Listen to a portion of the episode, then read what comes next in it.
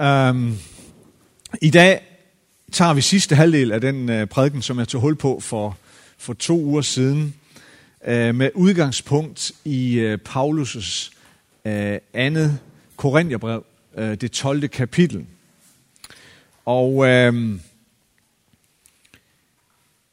det er jo det er specifikt det afsnit, hvor Paulus forklarer os, med udgangspunkt i hans eget liv og hans egne oplevelser, at det er som om Gud af en eller anden årsag og på en eller anden måde har besluttet sig for at lade sin øh, enorme magt og kraft øh, berøre denne verden og berøre alt det skabte, øh, og, og han har besluttet at gøre det gennem vi mennesker.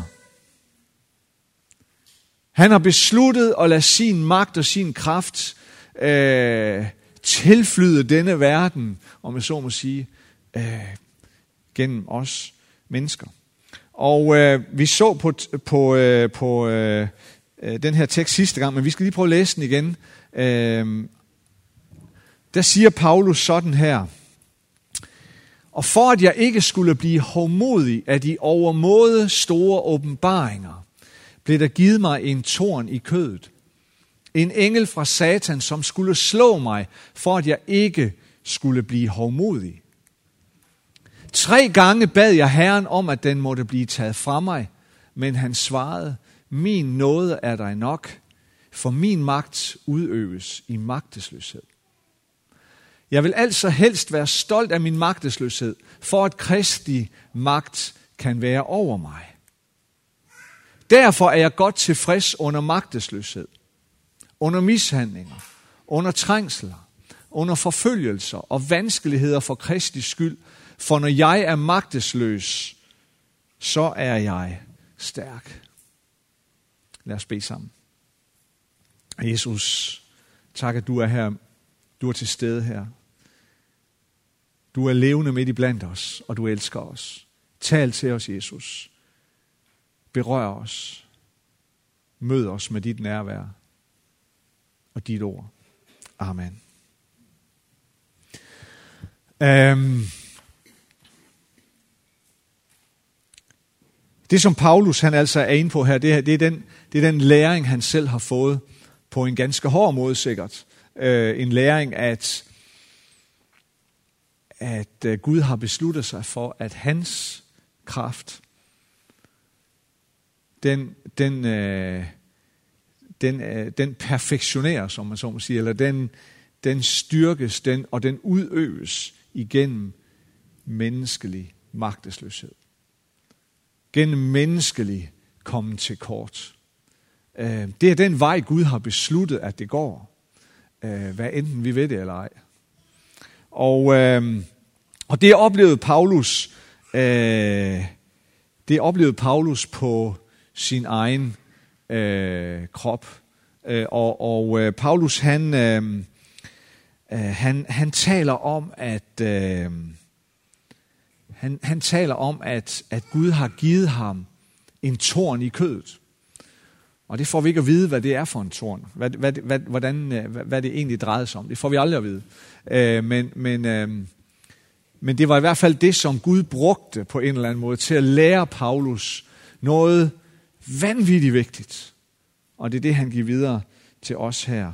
Øh, og, øhm, og Paulus er jo også ærlig at sige, jeg, jeg, jeg, jeg prøvede med al magt at blive fri for det. Jeg prøvede at få den her tårn væk, og jeg bad Gud øh, flere gange, øh, tre gange, Tre gange, der bad jeg til Gud om, at den her torn i kødet, den måtte, den må blive taget fra mig. At Gud dog ville skåne mig.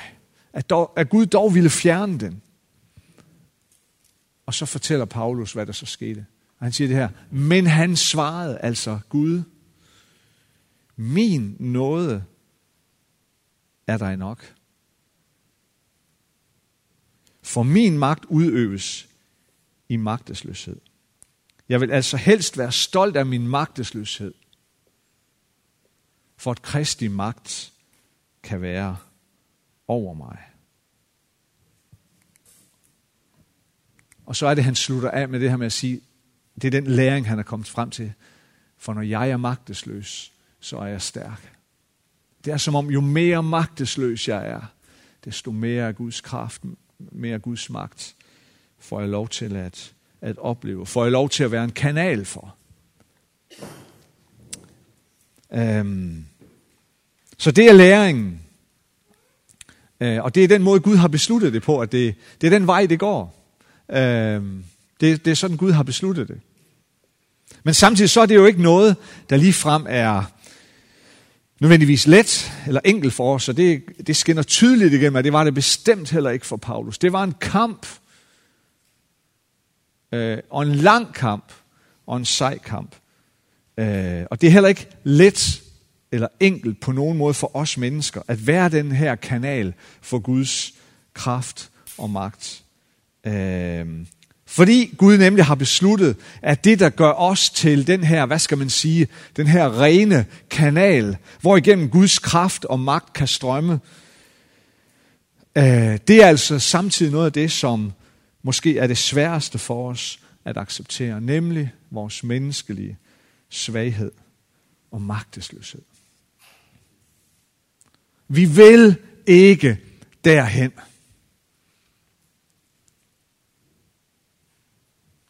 Vi vil helst ikke derhen. Og Paulus han fortæller om, hvordan han så selv er blevet undervist om det her på den hårde måde. Ved at han har fået den her berømte torn i kødet, som på en eller anden måde piner og plager ham. Som sagt, vi får aldrig at vide, hvad den her torn i kødet er. Der har været masser af, af teologer, som har gættet på, hvad det kan være. Det er alt sammen øh, gætterier. Øh, om det er noget fysisk, psykisk, mentalt, øh, eller hvad det er. Så der, der er ingen grund til at spekulere egentlig så meget mere i, hvad det er. Måske er det endda en fordel, at vi ikke ved, hvad det er. For måske ved ikke at vide, hvad det er, så kan vi måske lettere identificere os med det. Jeg tror, det hjælper os måske til at forstå og bedre kunne acceptere, at vi alle sammen har en torn i kødet. Det tror jeg, vi alle sammen har, hvis vi mærker godt nok efter. Jeg tror, vi alle sammen har en eller anden form for en torn i kødet. Hvis vi mærker godt nok efter, hvis vi, hvis vi graver dybt nok efter virkelig at finde vores længsel efter at opleve Guds nærvær i vores liv. Hvis vi har bare tilnærmelsesvis en længsel som Paulus efter Guds nærvær, så kommer vi på et eller andet tidspunkt i berøring med en torn i kødet. Det tror jeg. Og det hjælper os nok også til at forstå, at det vigtige er ikke, hvad der var Paulus' torn i kødet, men hvad der var Guds formål med den. Faktum er i hvert fald, at Paulus han som sagt flere gange indtrængende beder Gud om, at måtte blive fri for den plage. Men hver gang, så svarer Gud, at hans nåde, det er tilstrækkeligt. Paulus, du har fået det, du behøver. Du har fået min nåde. Den er over dig, den er om, om dig, den er under dig, den er, den er hos dig hver dag. Det er nok for dig. Hver gang svarer Gud, at hans nåde er nok for Paulus. Hver gang, når Paulus beder om, vil du ikke nok tage den fra mig. Og så forklarer Gud, at hans magt udøves gennem Paulus' magtesløshed. Og gennem det så lærer Paulus, at for at han kan være en i Guds øjne ren kanal, hvor igennem Guds magt kan flyde uhindret, så må Paulus konstant være i en eller anden form for berøring med sin egen svaghed og magtesløshed. Derfor så fik Paulus altså den her torn i kødet. Og når Paulus så forklarer noget mere om, hvorfor han fik den, ja, så forklarer han det på den her måde. Det handler om risikoen for hovmod og stolthed. Gud havde nok givet Paulus større og flere åbenbaringer end måske noget andet menneske på hans tid. Gud havde lavet Paulus se mere, høre mere, opleve mere af Guds nærvær, af Guds plan, af Guds vilje, end måske noget andet menneske på den tid.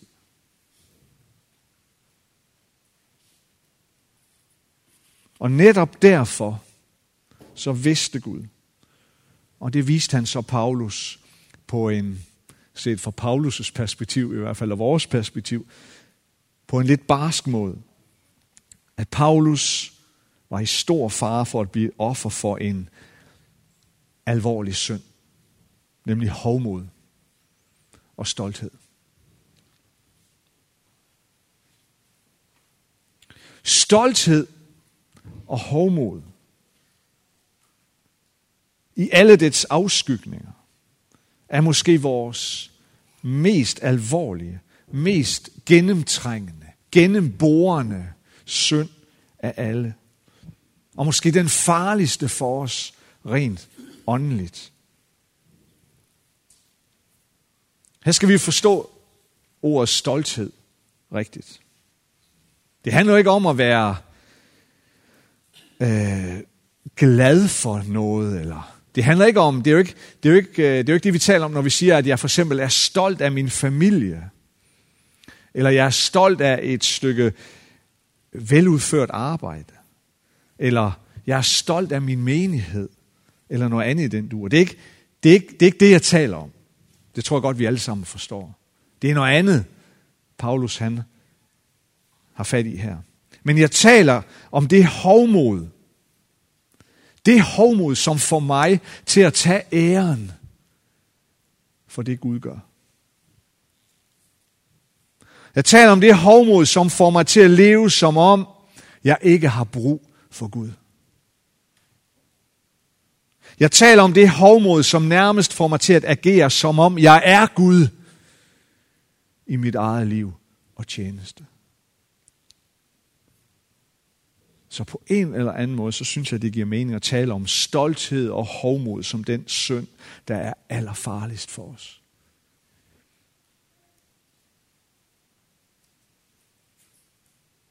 Så jeg tror, vi alle sammen har brug for at komme til et punkt, hvor vi er taknemmelige til Gud.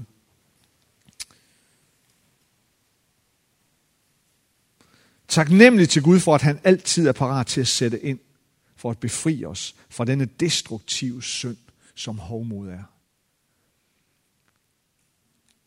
For vi har brug for, tror jeg, ligesom Paulus, at komme til det punkt, hvor, hvor vi kan indse, at alt Gud gør for, at vi bevarer vores afhængighed af ham, det er dybest set en gave fra Gud til os.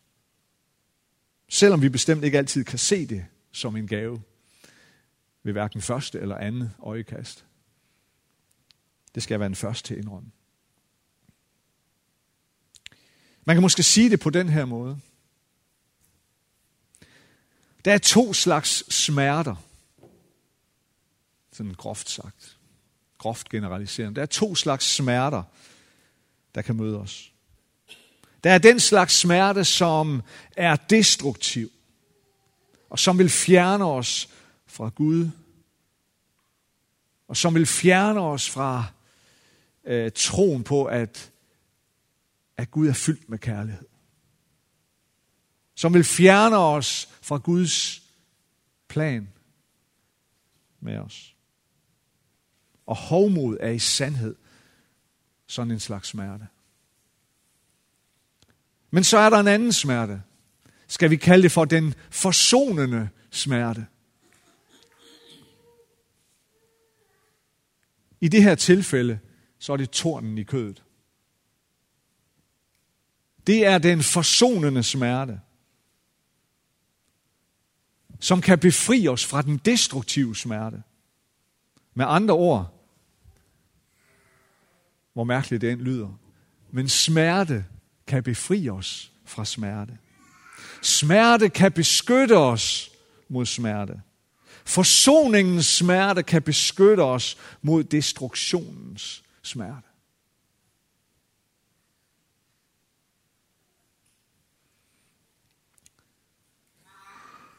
Paulus han kommer med to forbløffende og meget mærkelige, eller måske nærmere sådan, skal vi sige, forstyrrende bemærkninger omkring det her med tornen i kødet. Han kommer med den i en og samme sætning nærmest.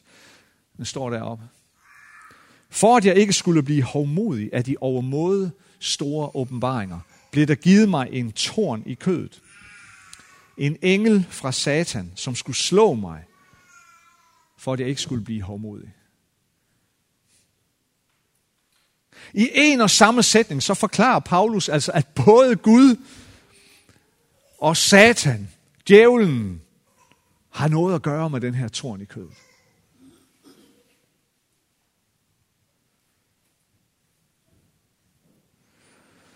Paulus' første statement, det er, og det bliver sådan klart, i hvert fald igennem sammenhængen, igennem konteksten, det er, det er Gud, det er Gud, der er giveren af denne torn i kødet. På en eller anden måde, så har Gud noget med det at gøre.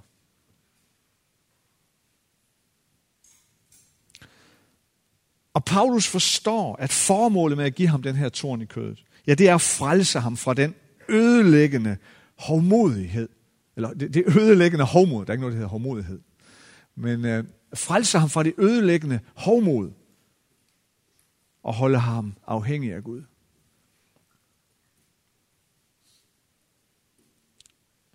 Det er ikke sikkert, at vi får helt de samme store åbenbaringer og i samme mængde, som Paulus fik. Og når vi læser igennem øh, Nye Testamente, når vi læser om de lidelser, som Paulus måtte igennem, så kan vi nok konstatere, at den torn i kødet, som du bærer på, og som jeg bærer på, uanset hvordan den så måtte se ud, nok ikke stikker helt så dybt, går helt så langt ind, som den Paulus måtte bære. Men Guds formål med tornen i dit kød og i mit kød, det er det samme som hos Paulus, nemlig at frelse dig fra stolthedens og hovmodets alvorlige synd. Og få dig ind i et liv, hvor du lever i et afhængighedsforhold til Gud. Men det andet statement, som Paulus kommer med omkring tårnen i kødet, det er muligvis endnu mere forstyrrende og forbløffende for os. Fordi den forsonende smerte, hvis vi skal bruge det ord igen, som Gud sendte til Paulus for at beskytte ham mod den destruktive øh, hovmods- og stolthedssmerte. Den forsonende smerte, den var overbragt af en engel fra Satan, siger han, som skulle slå ham.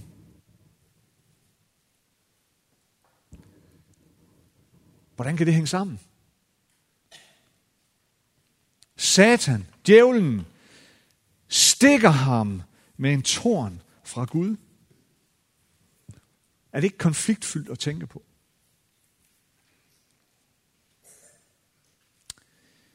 Ja, det virker ikke som om, at det er specielt konfliktfyldt for Paulus på nogen måde. At Gud kan give sine børn forsoningens smerte ved at bruge, hvad der til synlædende virker som et ondt og destruktivt middel.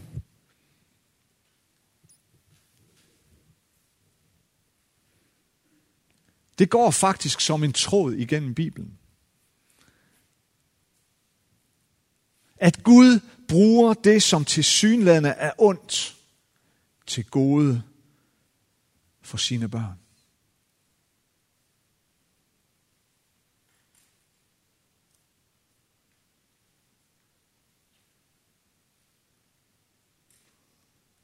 Josef i det gamle testamente, i første Mosebog, han siger for eksempel sådan her til sine brødre, efter at de har forsøgt at tage livet af ham. Så siger Josef i 1. Mosebog kapitel 50, I udtænkte ondt mod mig, men Gud vendte det til det gode. I udtænkte ondt mod mig, men Gud vendte det til det gode. Og Paulus vidste også, at historiens største, bedste og mest forsonende smertens gave, nemlig Jesu Kristi død på korset, det blev givet gennem den ondeste smerte. Den lang fredag, der troede djævlen, at han havde påført Jesus den ondeste og mest destruktive smerte. Dødens smerte. Men Gud vidste bedre. Gud vidste, at det i stedet var forsoningens smerte.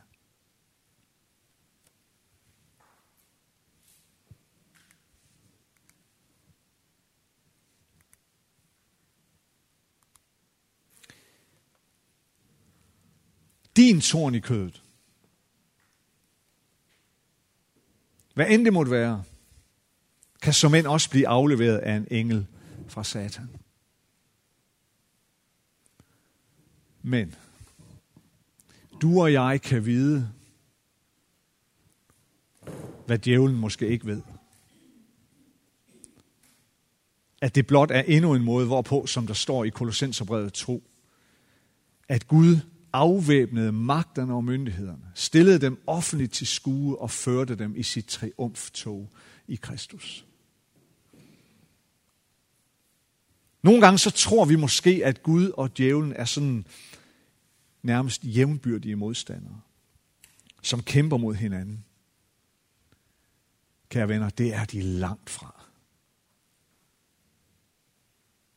Djævlen Selvom han dog har stor magt, så er han ikke andet end en falden engel. Han er uendelig langt mindre end den almægtige Gud.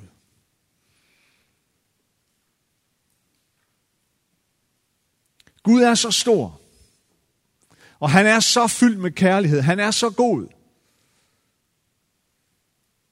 at alt, selv den torn i kødet, som kan være afleveret af djævlen selv, virker til gode for dem, der elsker Gud. Som Paulus siger i Romerbrevet kapitel 8.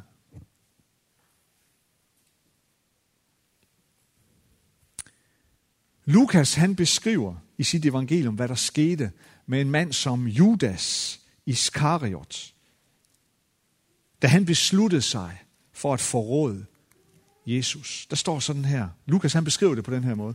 Men så får Satan i Judas, som det kaldt Iskariot, en af de tolv, og han gik til ypperstepræsterne og anførerne for tempelvagten og talte med dem om, hvordan han kunne forråde Jesus til dem. Djævlen brugte Judas til at påføre Jesus en destruktiv og ødelæggende smerte, troede han. I stedet brugte Gud det til en forsonende smerte, som har forløst en hel menneskehed og som forandrede verden for altid. Og igen og igen, igennem Guds store fortælling, der ser vi, hvordan djævlen igen og igen vil påføre mennesker det, som han tror er den ultimative, destruktive smerte, som leder til død, men som Gud vender og bruger det i stedet som en forsonende smerte, som leder til liv. Tornen i kødet, som Gud er involveret i på en eller anden måde. I såvel Paulus' liv som i vores liv, det er sjældent noget, vi har lyst til at rose os af. Tværtimod så er den slags torne oftest skjult for de fleste andre mennesker. Det, der virkelig er tornen i dit kød, der er der ikke ret mange, der kender til. Udover dig selv. Og så dine allernærmeste. Dem, der kender dig allerbedst. Det er sjældent noget, vi har lyst til at rose os af. Tværtimod. For det er som oftest en svaghed, en skrøbelighed, som ydmyger dig på en pinlig måde. Noget, du allerhelst vil skjule for de fleste. For du ved godt, at hvis der var mange, der kendte til det, så vil det ikke gøre noget godt for dig. Det vil ikke gøre noget godt for dit rygte. Det vil ikke gøre noget, for, noget godt for din anseelse, måske tværtimod. Det er den slags tårne, som vi præcis som Paulus vil bede til Gud igen og igen om at tage fra os. Men det er præcis den slags tårne, som Gud tillader, tillader i vores liv. For hvis det var tårne, som, som andre kunne se hele tiden, og som der, der måske var sådan en slags nobelhed, eller ædelhed, eller heldemodigt over dem, så ville de aldrig kunne hjælpe os imod den ødelæggende stolthed, det ødelæggende hovmod. Og det er nok derfor, at Paulus, og det er nok også derfor, at vi indimellem får et nej fra Gud, når vi beder ham om, at det må blive taget fra os. Det er nok derfor, at Paulus og også vi får at vide indimellem, du har fået det, du skal bruge. Du lever i min nåde hver eneste dag. Gå på det, gå i det, lev i det. For uden den torn, så vil vi aldrig komme til at opleve, hvad det vil sige, at Guds nåde virkelig er nok for os. Uden den torn, så vil vi aldrig komme til at opleve, hvad det vil sige, at Guds kraft udfolder sig helt og fuldt igennem vores magtesløshed. Det du tror er en destruktiv smerte, som tager dig hen et sted, hvor du ikke ønsker at være, det kan i stedet for være forsoningens smerte, som tager dig præcis derhen, hvor Gud vil have dig. Lad os bede sammen. Kære Jesus,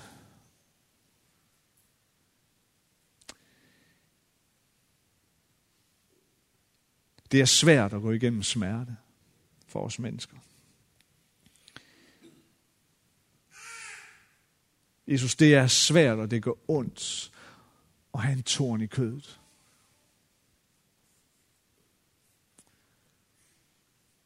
Og vi har lyst til at løbe langt væk fra det, Jesus. Men tak, fordi at, at det kan være forsoningens smerte fra dig. Selvom vi oplever det destruktivt. Så hjælp os til at se, som du ser, Jesus. Hjælp os til at forstå, som du forstår. Hjælp os til at holde ud, som du har givet os kraft og styrke til. Hjælp os til at leve og vandre i din nåde hver dag.